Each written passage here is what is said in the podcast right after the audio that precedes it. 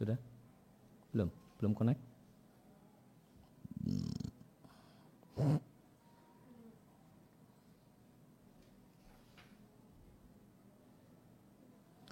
Alhamdulillah wa kafa wa salatu wa salam ala rasulil mustafa wa ala alihi wa sahbihi wa man tabi'ahum bi ihsanin ila yaumidin amma ba'd kaum muslimin dan muslimah rahimani wa rahimakumullah kembali kita lanjutkan membaca dan mentelaah mandumah fi alamati sihatil qalbi karya Syekh Sulaiman Ibn Sahman rahimallahu taala dengan penjelasan dari Syekh Abdul Razak Ibn Abdul Muhsin Al-Abad Al-Badr hafizahumullahu taala. Kita masuk pada bait yang ke-47 pada bait yang ke-47 ala bidzati fawqal arsy haqqa bila kaifin wala ta'wilin ghali ulu wal qadri wal qahri ladhani huma lillahi min sifatil kamali Bihada ja'ana fi kulli nasin anil ma'sumi min sahbin wa ali.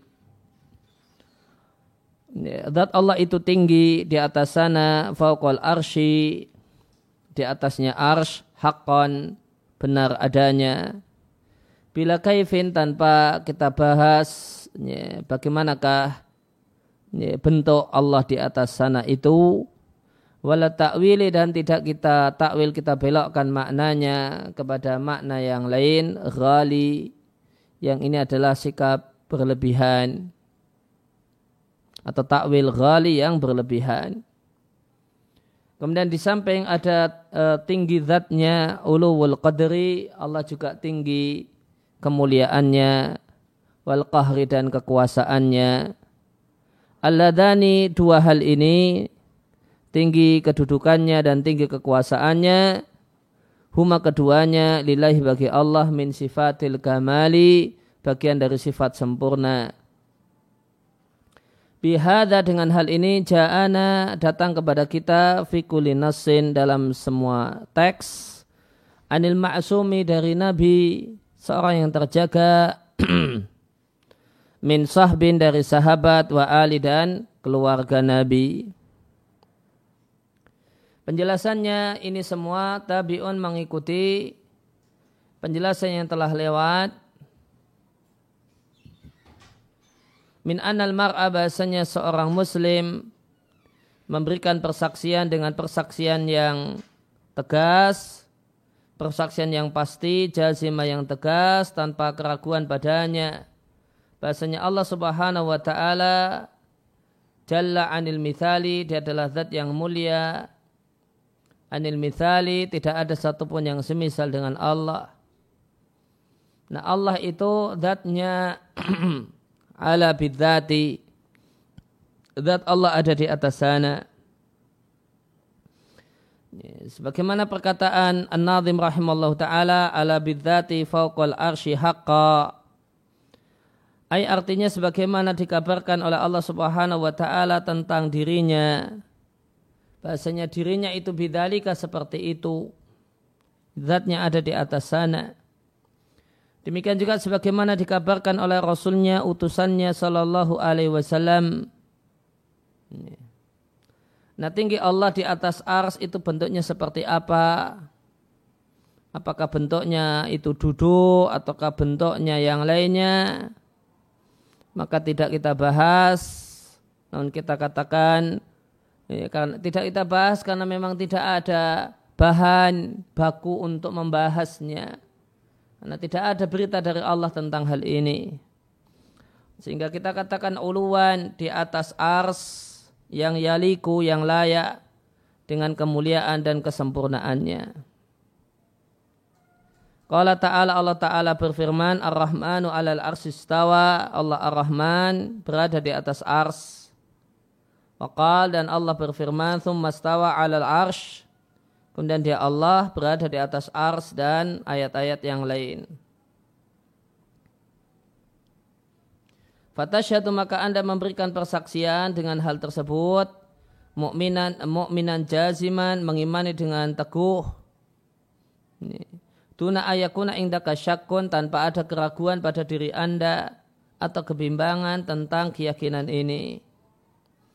Qaulu rahimallahu ta'ala bila kaifin wala ta'wili ghali ay ihdar waspadailah dua hal ini. ini tetapkanlah tinggi bagi Allah di atas ars bila kaifin tanpa membahas bagaimanakah bentuknya. Fanu'minu artinya kita mengimani bahasanya Allah berada di atas uh, di atas arsh. Wala na'lamu dan kita tidak mengetahui bagaimanakah bentuk berada di atas ars. Ya, apakah bentuknya duduk atau yang lainnya tidak kita tegaskan. Wahuna ya'ti al-atharu al-masyuru maka di sini terdapat athar yang masyur dari Imam Malik rahimallahu taala ketika ditanya oleh seseorang tentang uh, uh, ditanya oleh seseorang. Qala lahu orang tersebut bertanya pada Imam Malik Ar-Rahmanu alal arsistawa kaifastawa bagaimanakah bentuk Allah berada di atas ars? Maka Imam Malik rahimahullah taala mengatakan istiwa ma'lumun. Berada eh, istiwa itu maklum sudah diketahui yaitu berada di atas sesuatu. Wa kaifu majhulun dan bagaimanakah bentuk beradanya ini, apakah seperti beradanya seorang itu di atas kursi duduk ataukah bentuk yang lainnya ataukah seperti bentuk beradanya seekor burung di atas pohon ini terbang di atas pohon atau yang lain maka itu tidak diketahui. Wal imanu bihi wajibun mengimani kalau Allah berada di atas ars itu wajib karena ya, demikian dikabarkan oleh Allah Subhanahu wa taala wa su'alu anhu bid'atun dan bertanya tentang kaifanya tentang bagaimanakah bentuknya itu bid'ah. Karena bertanya tentang sifat ada dua macam, bertanya tentang artinya, ya, dan ada bertanya tentang kefiahnya, bagaimanakah bentuk sifatnya. Maka yang dimaksud dengan pertanyaan yang bid'ah dalam bab sifat adalah pertanyaan tentang kaifiatus sifat. Ya, perkataan Imam Malik ini di catatan kaki diriatkan ya, dalam Hilyatul Aulia dan Syiar A'lamin Nubala. Ya, Sa Abdul Razak itu punya kitabun muhim menjidan buku yang penting sekali dengan judul Al-Athar Al-Masur Anin Imam Malikin rahimallahu taala fi sifatil istiwa di rosatan tahliliyatan. Kajian analitik. Ini asar yang terkenal dari Imam Malik tentang sifat istiwa, dirosatan, tahliliyatan, studi analisis. Bila kaifin, ya, bila kaifin ini artinya bila kaifa na'lamuhu, tanpa bila kaifin na'lamuhu, tanpa bentuk tertentu yang kita ketahui. Ini sama dengan bila takyifin, tanpa kita bahas bagaimanakah bentuknya. Artinya istiwa itu ada bentuknya pada Allah. Namun bentuk tersebut tidak kita ketahui. Maka bila kaifin itu tidak meniadakan dan mengingkari adanya kaifiyah bagi sifat Allah. Dalam hal ini istiwa. Ya, bahkan kita yakini istiwa tersebut ada kaifiyahnya.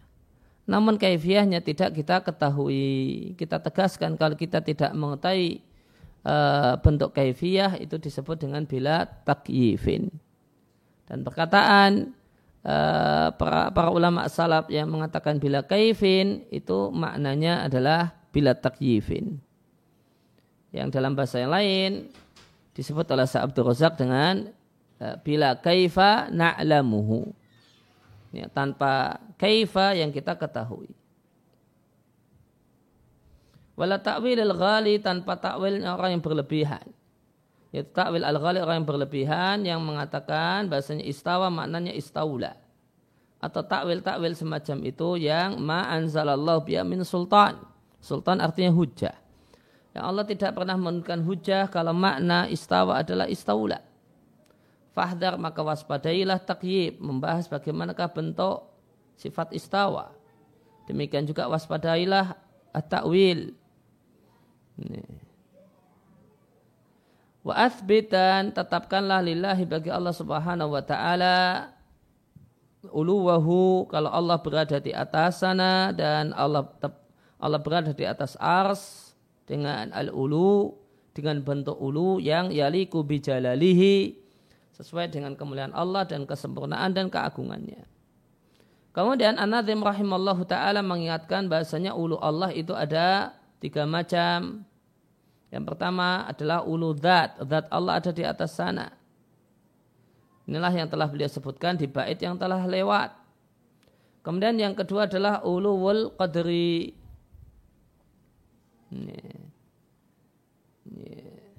Tinggi derajatnya dan martabatnya. Kemudian tinggi kekuasaannya. Dua jenis ulu ini eh, disebutkan oleh An-Nadhim rahimallahu ta'ala di bait selanjutnya ulu wal qadri wal qahri alladani huma lillahi min sifatil kamali.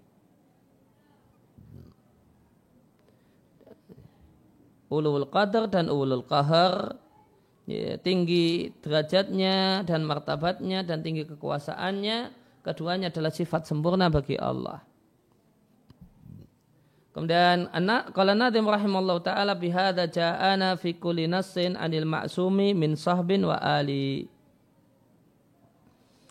Ay artinya ja'ana datang kepada kita fi kulli nassin dalam setiap teks minan nukulil mangkulati dari nukilan-nukilan yang dinukil dari nabi yang al-ma'sum terjaga ma yadulu ala dalik yang menunjukkan hal itu. Min sahbin wa ali yang Naqalaha as-sahabatu nukilan tadi ya, dikutip oleh para sahabat, disampaikan oleh para sahabat dan keluarga Nabi yang mulia sallallahu wasallamuhu alaihim. Kita masuk bait yang ke-50. Ini 50 sampai 54. Qala Nadhim rahimallahu taala wa yanzilu rabbuna fi kulli lailin ila adna samawatil awali. Allah Rabbuna turun fikuli lailatin di setiap malam ila adna samawat kepada langit yang paling dekat yaitu langit al-awali yang tinggi. Langit yang tinggi yang paling dekat yaitu langit dunia.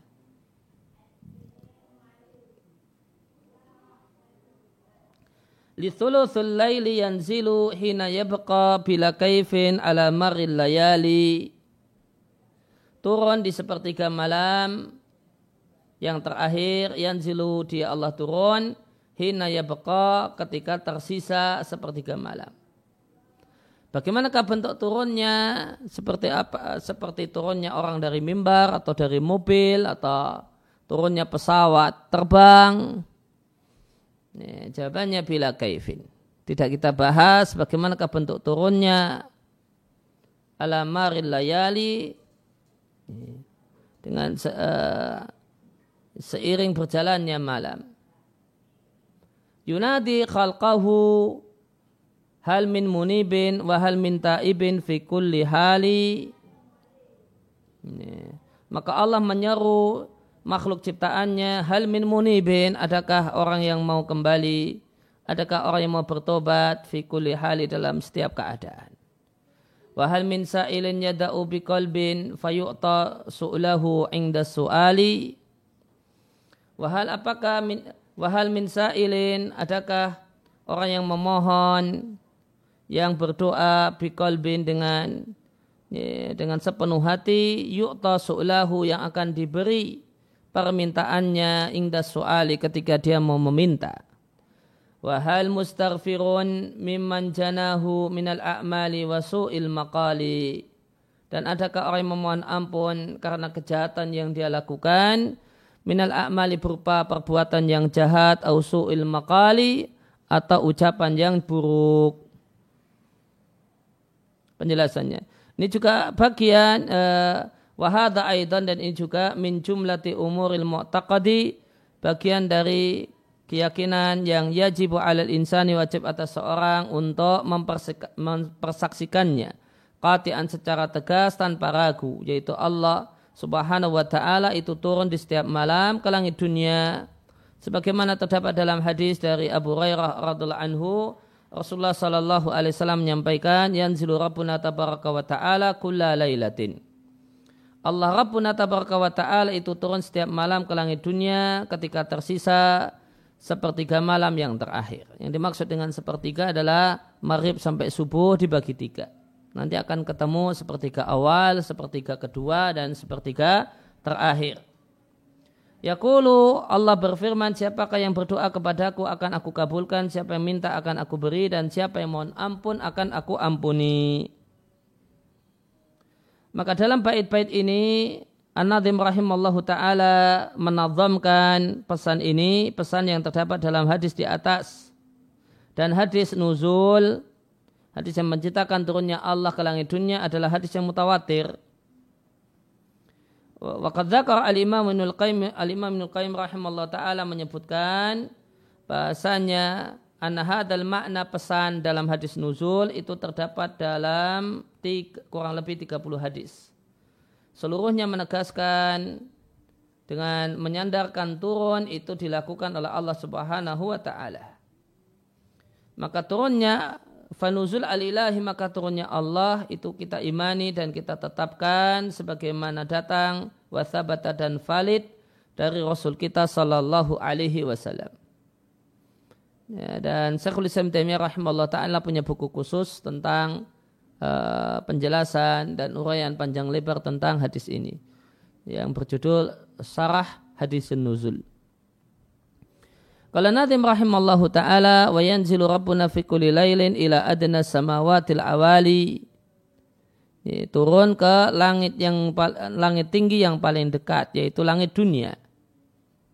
Li'anna samawatil awali karena langit yang tinggi itu yang paling dekat dengan kita adalah langit dunia.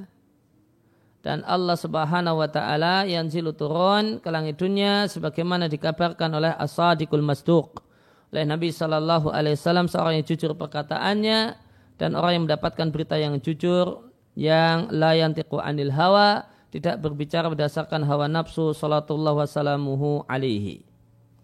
Qauluhu rahimallah li thuluthil laili yanzilu hina yabqa Artinya turunnya Allah subhanahu wa ta'ala di sepertiga malam yang terakhir Hina yabqa ketika tersisa dari waktu malam sepertiganya yang terakhir bila kaifin alamari layali. Ya, alamari layali itu asli e, maknanya anna nuzula hada turunnya Allah ini tidak khusus di malam tertentu. Bahkan setiap malam sebagaimana terdapat dalam hadis yang rabbuna tabaraka wa ta'ala kula laylatin kulla laylatin setiap malam ila sama idunya ke langit dunia. Itu eh, makna alal mari layali. Makna bila kaifin artinya nahnu nu'minu kita mengimani bahasanya Allah itu turun dan turunnya Allah itu punya kaifiyah bentuknya. Namun kita tidak tahu bagaimanakah bentuk dia Allah turun. Karena Nabi Shallallahu Alaihi Wasallam mengkabarkan kepada kita bahasanya Allah turun dan Nabi tidak mengkabarkan kepada kita bagaimanakah dia turun. Maka kita tetapkan, kita imani apa yang dikabarkan oleh Rasul kita Sallallahu Alaihi Wasallam. Dan kita menahan diri dan diam dari hal-hal yang tidak Allah kabarkan kepada kita. Maka al-kaifa bentuk turun itu ada. Namun majhulun. Tidak diketahui la na'lamuhu. Tidak kita ketahui. Bukan tidak ada namun tidak kita ketahui wan nuzulu dan turun itu hakun benar adanya Ya, dalil tentang hal ini adalah sunnah sahihah. Hadis yang sahih, asabita yang valid dari sang Rasul yang mulia sallallahu alaihi wasallam. Yunadi khalqahu menyeru makhluknya. Hina yanzilu ketika turun Allah eh, ketika Allah Subhanahu wa taala turun Allah menyeru makhluknya. Hal min munibin, adakah orang yang mau kembali kepada Allah? Mukbilin ala taati yang perhatian untuk taat kepada Allah dan mendapatkan ridha Allah. Hal minta ibn fi kulli hali adakah yang mau bertobat di setiap keadaan maka Allah akan terima tobatnya dan inabahnya inabah kembali wahada maka dalam kalimat ini terdapat hathun motivasi wahadun dan dorongan kepada para hamba untuk iqbal, untuk perhatian kepada Allah dengan bertobat dan kembali. Qala Nazim rahimallahu taala wa hal min sa'ilin yada'u biqalbin fayu'ta su'ulahu 'inda su'ali. Fihi bait ini isinya bahasanya di waktu ini waktu yang mustajab untuk berdoa terutama orang yang berdoa kepada Allah biqalbin hadirin dengan hati yang hadir dan tidak jalan-jalan ke mana-mana. Dari Abu Hurairah radhiallahu anhu Rasulullah sallallahu alaihi wasallam menyampaikan uda Allah wa antum muqinuna bil ijabah. Berdoalah kalian kepada Allah dalam keadaan kalian yakin Allah akan mengabulkan doa. Dan ketahuilah bahasanya Allah tidak mengabulkan doa dari hati yang lalai, lahin, lalai. Maka doa itu dengan hati yang hadir di waktu yang penuh berkah ini dan di setiap waktu ketika seorang itu berdoa kepada Allah Subhanahu wa taala. Maka dianjurkan untuk berdoa itu doa yang fokus, ya, lisan mengucapkan sesuatu dan pikiran pun sejalan dengannya. Pikiran tidak jalan-jalan ke pasar, ke mall, ke pantai dan yang lainnya. Dan ini di antara sebab terkabulnya doa. Dan apalagi jika doa semacam ini dengan eh, hati yang hadir ini dilakukan di waktu-waktu mustajabnya doa. Kalau Nadim rahimallahu taala wa hal mustaghfirun mimman janahu minal minal a'mali wa su'il maqali Adakah orang yang mau memanfaatkan lihadil fursa kesempatan yang penting ini liyukthiru al-abdu fiha yang di waktu di kesempatan yang penting ini seorang hamba memperbanyak meminta ampun kepada Allah. Wawa dan dia min ahsani awqatihi dan ini adalah termasuk waktu yang terbaik. Ini Wawa dan sepertiga malam yang terakhir itu termasuk waktu yang terbaik. Karena termasuk sepertiga malam yang terakhir itu waktu sahur. Dan, dan Allah subhanahu wa ta'ala berfirman, Wabil ashari hum yastaghfirun. Di waktu sahur mereka istighfar. Dan Allah Ta'ala berfirman, Wal mustaghfirina bil ashar. Dan orang-orang yang beristighfar di waktu sahur.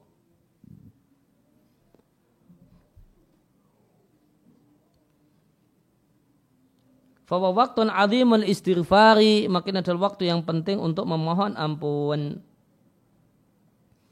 Dan jika demikian inilah lima hal yang Allah serukan yang diserukan oleh Allah Subhanahu wa taala kepada makhluknya yaitu adakah yang mau bertobat, adakah yang meminta, adakah yang mau memohon ampun.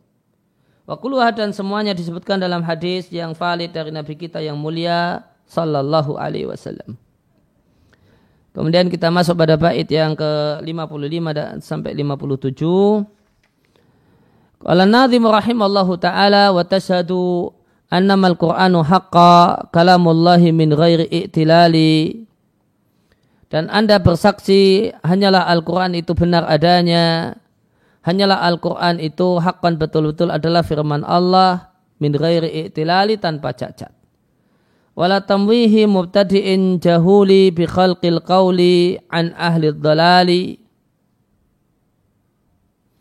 Tidak pula tamwih uh, mubtadi'in dan tidak pula uh, tipuan dari mubtadi'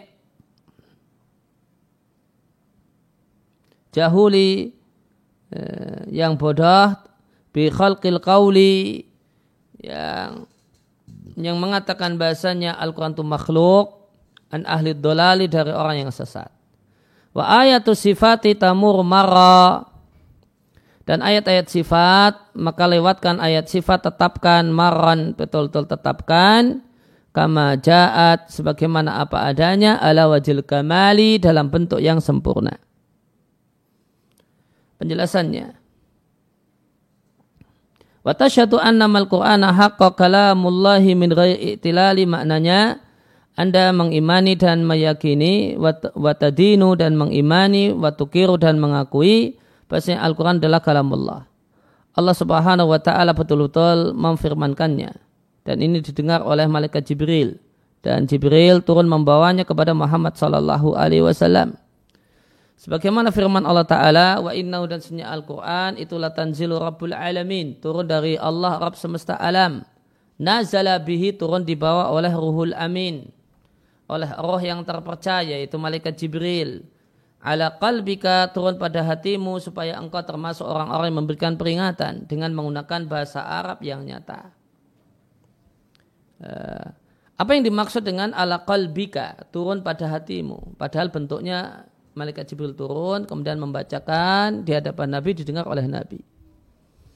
Jawabannya disebut hal ini disebut dengan ala qalbika untuk menunjukkan jaminan kalau apa yang dibacakan oleh malaikat Jibril itu betul-betul masuk ke dalam hati Nabi kita Shallallahu Alaihi Wasallam sehingga beliau tidak lupa dan beliau faham, beliau hafal dan faham.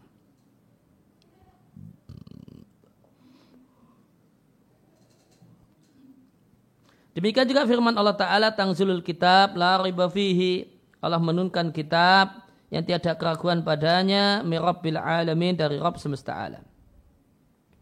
Fanasyatu maka kita memberikan persaksian bahasa Al-Quran itu benar. Dia adalah betul-betul kalamullahi firman Allah. Allah subhanahu wa ta'ala secara hakiki memfirmankannya. Midrai iktilalin tanpa cacat dan tanpa tipuan mubtadi'in jahuli alil bid'ah yang bodoh. bi khalqil qawli an ahli dhalali. Artinya tahdar anda waspada, asyad al hadari betul-betul waspada. Minalladina dari orang yang menegaskan binafi menolak kalau Al-Quran adalah firman Allah. Auman yakul atau orang yang mengatakan bahasanya Al-Quran kita sandarkan kepada Allah. Walakinnahu akan tapi orang tersebut. Ya, dia mengatakan Al-Quran itu firman Allah, akan tetapi yumawi. Dia memberikan bahasa tipuan, ya, wa muhassalu hadat dan inti dari tipuan tersebut, al-kaulu bi khalqin nufati. Adalah berpendapat sebagaimana pendapat orang yang mengingkari kalau Al-Quran firman Allah. Maka orang yang orang yang mengingkari kalau Al-Quran firman Allah, waspadailah orang yang yusarih ngomong belak-belakan dan tegas wa mimman ya'ti bihadal maqalati demikian juga waspadailah dengan orang yang ya'ti bihadil maqalati berkata dengan perkataan ini Al-Qur'an yaitu menolak kalau Al-Qur'an itu firman Allah. Maka dan orang yang ya'ti bihadil maqalati yang mendatangkan perkataan ini atau akidah ini namun ala wajib tamwihi dengan bentuk tipuan tidak belak-belakan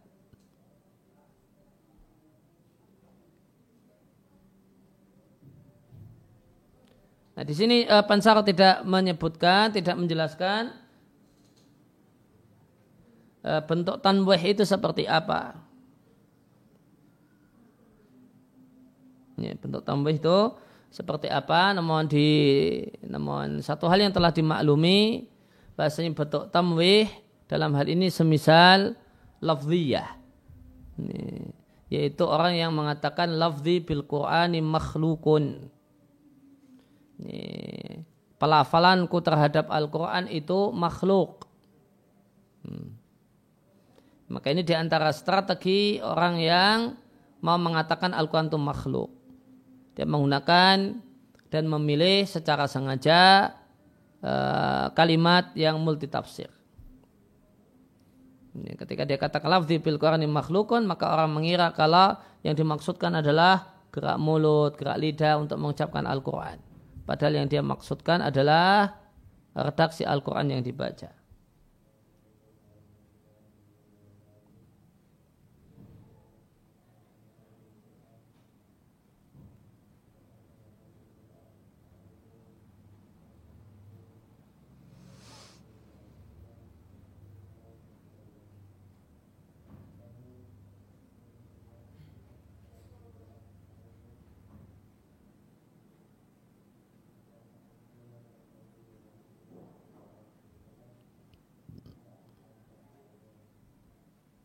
Mawaha al hakikota itu al basaha dibuat samar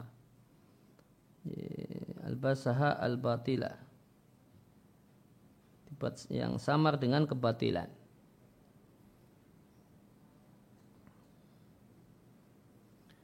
Nah, kembali ke ke buku. Kemudian Kalau nazim rahimallahu ta'ala wa ayatu sifati tamuru mara kama ja'at ala wajil kamali. Huna di bait ini yuwadih an-nazim menjelaskan metode alusunnah, wajadah dan jalan alusunnah tentang sifat Allah. Yaitu ayumiruha mara di sini artinya asbata. Yaitu menetapkannya sebagaimana apa adanya. Wa yu'minuna biha kama dan mengimaninya sebagaimana apa adanya. Sebagaimana perkataan banyak salaf tentang ayat-ayat sifat, mereka mengatakan amiruha kama ja'at bila kaifin.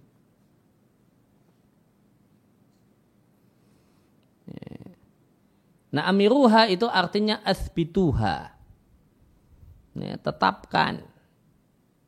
Ini. Bukan hanya sekedar dibaca lewat begitu saja. Namun tetapkanlah kama ja'at sebagaimana apa adanya.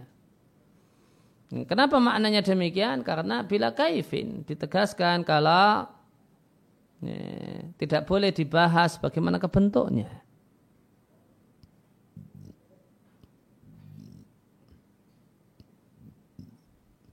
Dan tidak ada pembahasan bentuk kecuali uh, ada makna. Ada makna. Kalau tidak ada maknanya, maka tidak ada pembahasan bentuk.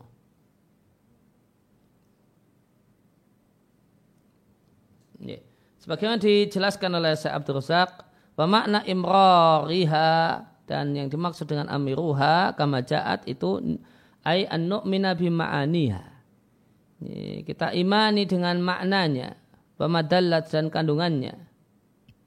Li'annaha karena ayatu sifat datang muhammalatan bil ma'ani memuat sejumlah pesan maka kita mengimani bimadalat alaihi minal ma'anin makna-makna yang terkandung yang menjadi kandungannya dan kita tetapkan sifat alatija atadil ayatu watilkal ahadisu yang ya, kita tetapkan sifat yang terdapat dalam ayat dan hadis-hadis tersebut yang ayat dan hadis tersebut memuatlah sifat-sifat tadi.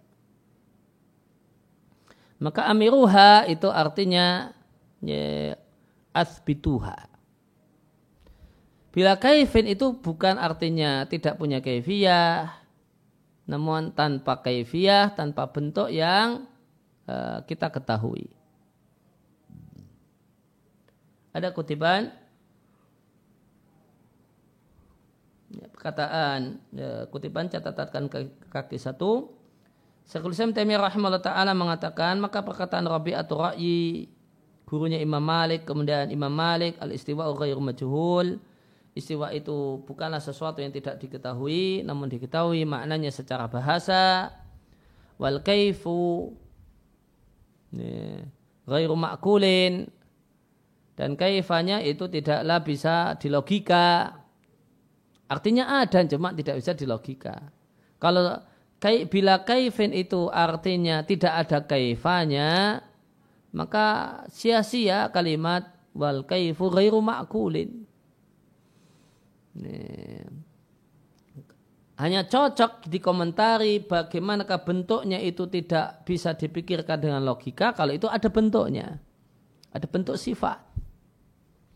Wal imanu wajib dan mengimaninya itu satu hal yang wajib. Nah kata Syekhul Islam, perkataan Imam Malik ini muafikun mencocoki liqaulil baqina perkataan ulama salaf yang lain yaitu amiruha kama ja'at bila kaifin.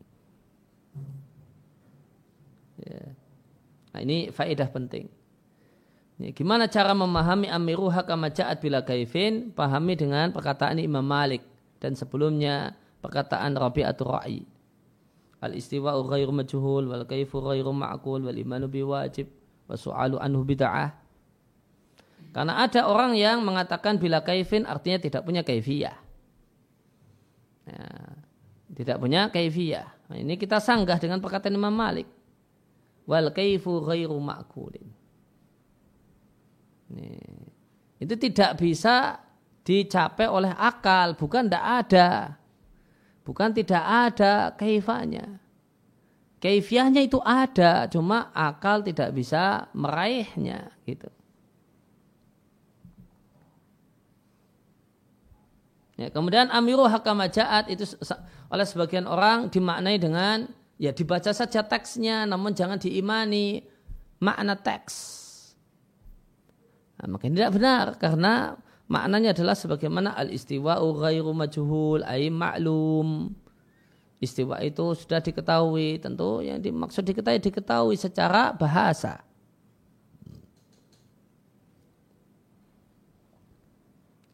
Fa'inama maka hanyalah nafau ilmal kaifiyah. Nah, yang mereka ingkari, yang mereka tiadakan, yang ditiadakan oleh salaf itu adalah pengetahuan manusia tentang bentuk sifat Allah Subhanahu wa taala. Walam yanfu dan mereka tidak meniadakan kota sifati, hakikat dan bentuk sifat. Nah, maka di sini kita jumpai kaifiyah itu sama dengan hakikat. Kaifiyah itu sifat sama dengan hakikat itu sifat. Mereka tidak mengingkari kalau sifat Allah itu punya hakikat, punya bentuk. Cuma bentuknya seperti apa, nah itu.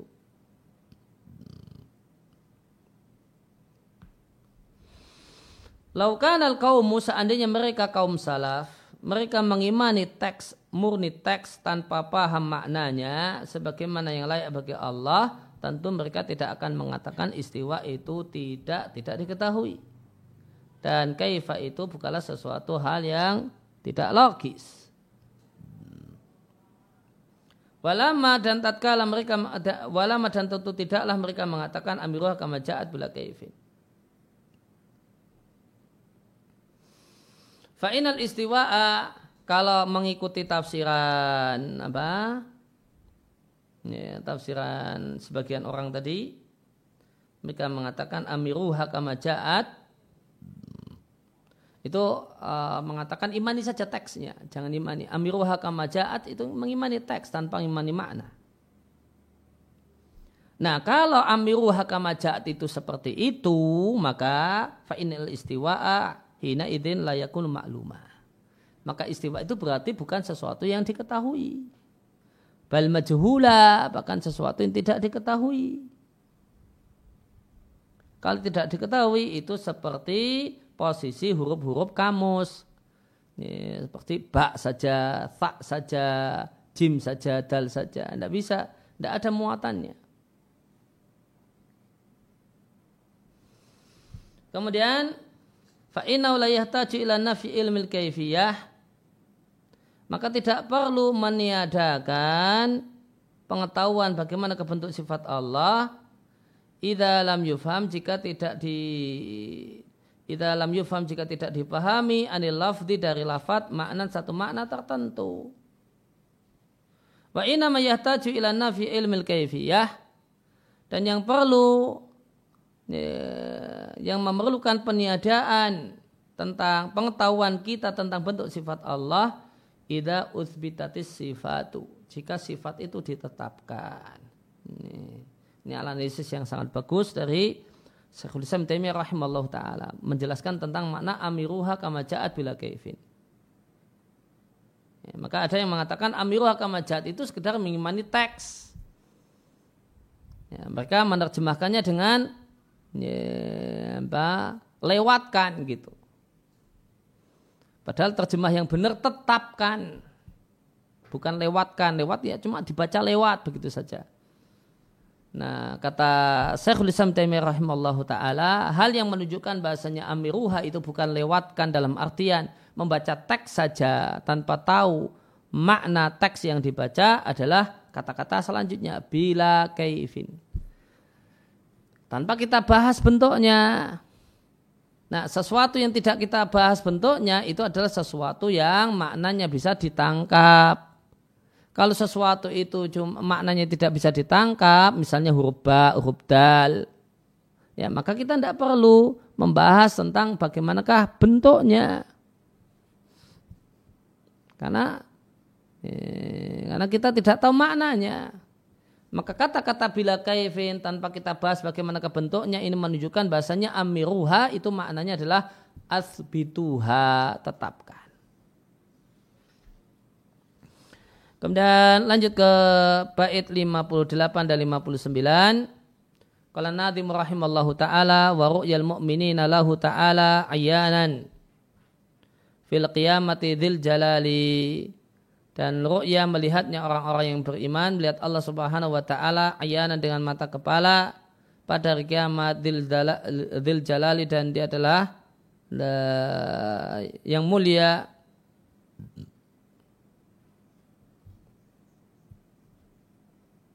Iyanan dengan mata kepala fil kiamat pada kiamat uh, melihat Allah dil jalali zat yang memiliki kemuliaan. Yura kal badri awi syamsi sahwa bila ghaimin wala wahmin khayali. Allah itu akan bisa dilihat seperti purnama atau seperti matahari sohwan terang tanpa mendung bila ghaimin tanpa mendung wala wahmin tanpa salah anggapan khoyali yang merupakan khayalan dan imajinasi. Penjelasan dari bait ini An-Nadhim menyebutkan akidah ahlul iman, orang-orang yang beriman tentang ru'yatullah dan bahasanya orang-orang yang beriman melihat Allah Subhanahu wa taala. Wa ru'yatu dan melihat Allah itu satu hal yang benar adanya. Dalilnya adalah Al-Qur'an dan hadis. Al-Quran semisal firman Allah Ta'ala wujuhu yawma idin nadirah wajah Wajah pada hari itu cemerlang, berseri-seri ila rabbiha nadhirah karena memandang Rabbnya.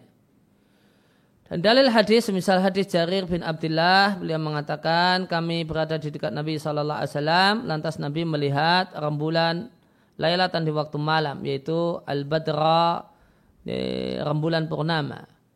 Fakal lantas Nabi mengatakan, sunya kalian akan melihat Rabb kalian Allah Subhanahu Wa Taala sebagaimana kalian melihat rembulan ini. Kalian tidak perlu berdesak-desaan firuyati untuk melihat Allah. Masing-masing di tempatnya dan dia bisa melihat Allah. Maka supaya kita menjadi orang-orang yang bisa melihat Allah pada hari kiamat, maka Nabi sampaikan kiatnya. Jika kalian mampu tidak terkalahkan oleh setan untuk mengerjakan sholat sebelum terbit matahari yaitu sholat subuh dan sebelum tenggelamnya itu sholat asar, maka lakukanlah.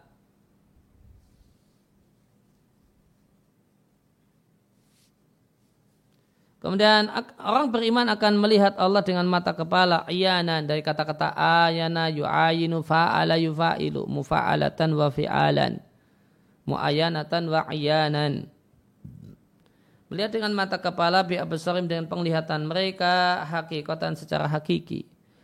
Fil, ya, sebagaimana terdapat dalam riwayat yang lain sehingga kalian akan melihat Rabb kalian pada hari kiamat. Dalam hadis yang lain Nabi katakan Sungguh kalian tidak akan melihat kalian sampai kalian mati terlebih dahulu.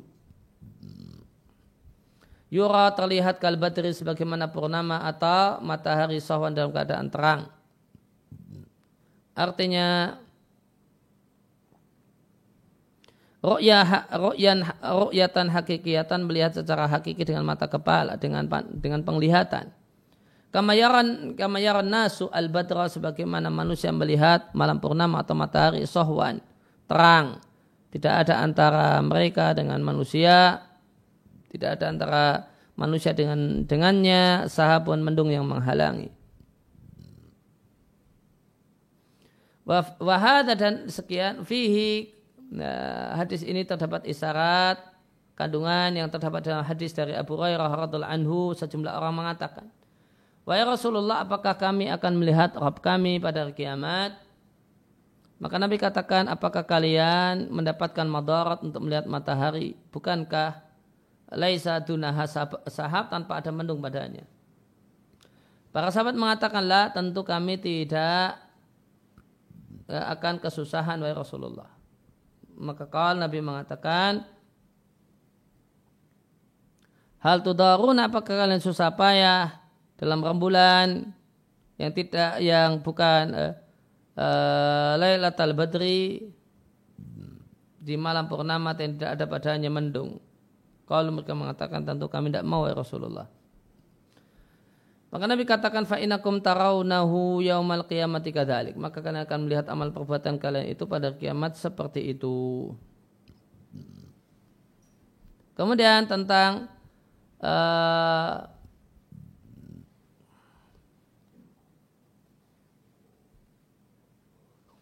Ya, tentang melihat Allah Subhanahu wa taala yang tadi kita baca, innakum satarawna rabbakum kama tarawna hadal qamara, perhatikan at-tashbih sebagaimana kalian melihat purnama, uh, tasbihuna di sini adalah melihat dengan melihat bukan objek yang dilihat dengan objek yang dilihat. Ya, maka tadi kita sampaikan kalian akan melihat Allah sebagaimana kalian melihat purnama. Maka Allah bukan uh, sama dengan purnama, namun melihat Allah sebagaimana melihat purnama. Berdiri di tempatnya masing-masing dan dia akan bisa lihat secara jelas dan gamblang.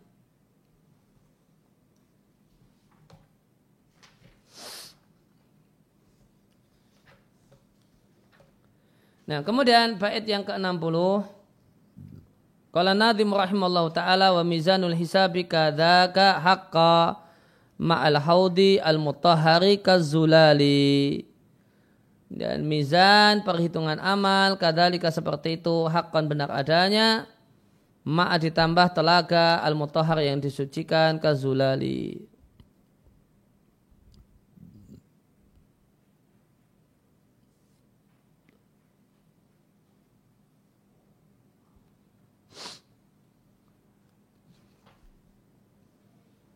Kazulali maknanya huluwin manis. Penjelasannya wahada ini juga bagian di antara poin-poin akidah yaitu mengimani mizan. Sebagaimana firman Allah Ta'ala di surat Al-Anbiya 47, wa nadha'ul mawazin al-qista yaumil qiyamah. Kami pasang uh, timbangan penuh dengan keadilan pada kiamat. Dan mizan uh, timbang ini ada timbangan hakiki yang dipasang pada kiamat. Lahu kafatan yang dia memiliki dua sisi. Yang satu atau dua daun timbangan. Satu daun timbangan diletakkan badannya amal-amal kebaikan dan uh, dan satu daun timbangan yang lainnya diletakkan badannya kejelekan.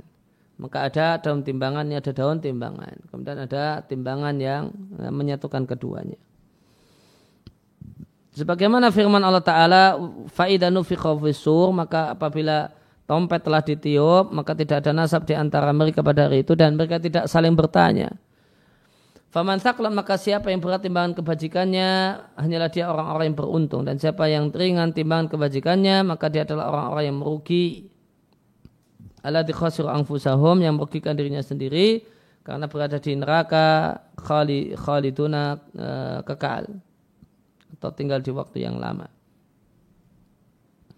Maka ada pun orang yang ringan timbangan nama kebajikannya, maka mereka adalah orang-orang yang merugikan dirinya sendiri karena berada di neraka dalam waktu yang lama. E, maka mizan itu benar adanya kita imani sebagaimana dalilnya terdapat dalam kitab Rabbina, dalam kitab uh, kitabullah dan sunnah nabinya.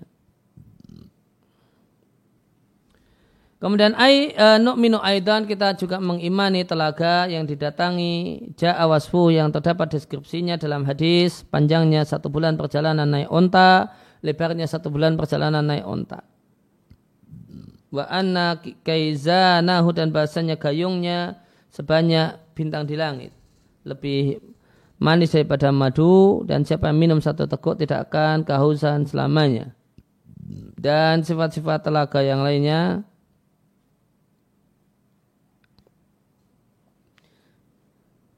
Ila ghair dzalika dan yang lainnya merupakan sifat telaga yang didatangi kita imani telaga dengan semua uh, bijami ausafi dengan semua sifatnya yang valid dari Nabi yang mulia sallallahu alaihi wasallam. Kemudian kauluhu ka zulali huluwin manis. Sebagaimana deskripsinya terdapat dalam hadis bahasanya isi sungai telaga, uh, isi air telaga itu ahla minal asali lebih manis daripada madu Allah Subhanahu wa taala semoga Allah memuliakan kita semua bisa minum dari telaga yang didatangi ini. Amin. Uh, sebelum kita akhiri kemudian catatan kaki pertama Wa mimma dan di antara riwayat yang uh, berkenaan dengan sifat deskripsi telaga Nabi adalah sabda Nabi sallallahu alaihi wasallam Telagaku adalah perjalanan satu bulan naik unta, airnya lebih putih daripada susu, lebih wangi daripada madu jumlah gayungnya itu sebanyak bintang di langit. Siapa yang minum darinya tidak akan kawasan selamanya. Lihatkan oleh Al-Bukhari dan Muslim.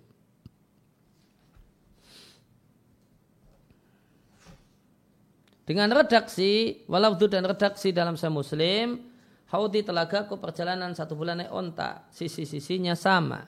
Artinya lebarnya sama dengan tingginya. Airnya lebih putih daripada perak, uh, dan baunya lebih wangi daripada kasturi dan gayungnya sebanyak seperti bintang di langit. Siapa yang minum darinya satu teguk maka tidak akan kehausan selamanya. Dalam saya muslim dari Abu Dhar anhu di sana disebutkan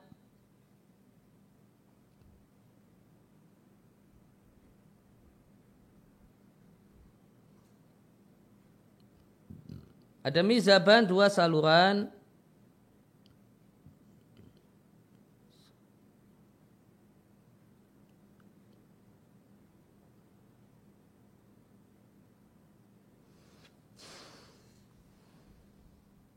Ya, sakhoba itu artinya kharaja atau perah salah mengalir. Ya, mengalir fi pada telaga Nabi itu mizaban dua talang dari surga. Siap, yaitu dari sungai Al-Kautsar di surga ada talang yang menghubungkan untuk jadi bahan baku telaga Nabi. Dan talangnya itu mizaban ada dua talang. Siapa yang minum darinya tidak akan kehausannya. Kemudian telaga Nabi itu lebarnya seperti panjangnya. Antara aman sampai ailah. Airnya lebih putih daripada susu dan lebih manis daripada madu.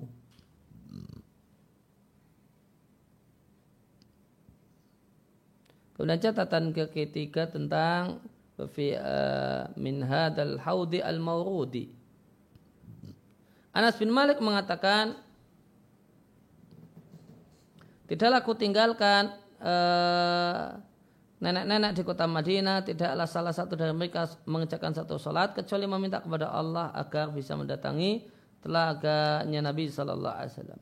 Diatkan oleh Ibnu Mubarak, Ahmad dan yang lain.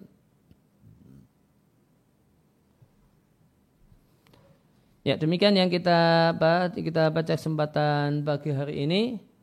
Ini bisa kita lanjutkan dengan masalah Mi'raj sallallahu ala nabiyina Muhammadin wa ala alihi washabihi wasallam wa rada'ana alhamdulillahi rabbil alamin. Ada pertanyaan? Ya. Bismillah ada beberapa pertanyaan yang akan kami bacakan. Pertanyaan pertama, eh, Assalamualaikum Ustadz. Waalaikumsalam warahmatullahi. Apakah kalau merapikan jenggot bagian pipi saat sendiri termasuk orang bermaksiat tak kalah sendirian hmm. dan apakah dihilangkan pahala-pahala saya? Ya, jika uh, dia mengetahui bahasanya ini bagian dari jenggot yang semestinya dipelihara, maka itu betul itu bagian dari maksiat. Dan maksiat jika diremehkan, tidak ada rasa malu, maka ngeri bahayanya. Nah. Hmm, pertanyaan selanjutnya, Uh, Assalamualaikum Ustadz, semoga semoga Allah menjaga Ustadz sekeluarga dan kaum muslimin. Amin. Hmm. Disebutkan bahwa bertanya tentang kaifiyah bid'ah, ba bagaimana hukum bertanya tentang hal itu Ustadz? Ya, uh, bertanya tentang kaifiyah sifat, gimana bentuk Allah berada di atas ars, bagaimana bentuk wajah Allah, bagaimana bentuk tangan Allah, apakah kotak-kotak ataukah lonjong, apakah uh, bulat ataukah elips ataukah apa ya. maka itu bid'ah karena uh, para sahabat orang yang paling antusias dalam masalah-masalah yang tidak tahu tidak menanyakannya. Itu sisi pendalilan dari Imam Malik. Nah. Pertanyaan selanjutnya apakah itu apakah majhul itu berko, berkonsekuensi sama dengan goir makul? Jazakumullah khairan kalau makul artinya bisa ditangkap dengan logika, bisa dipikirkan. Kalau ghairu makul tidak bisa dipikirkan oleh akal. Gelap karena uh, akal tidak bisa memikirkannya. Sehingga ya tidak bisa diputuskan, tidak bisa ditegaskan. Nah, demikian subhanakallahumma bihamdika asyhadu an la ilaha illa anta astaghfiruka wa atubu ilaik.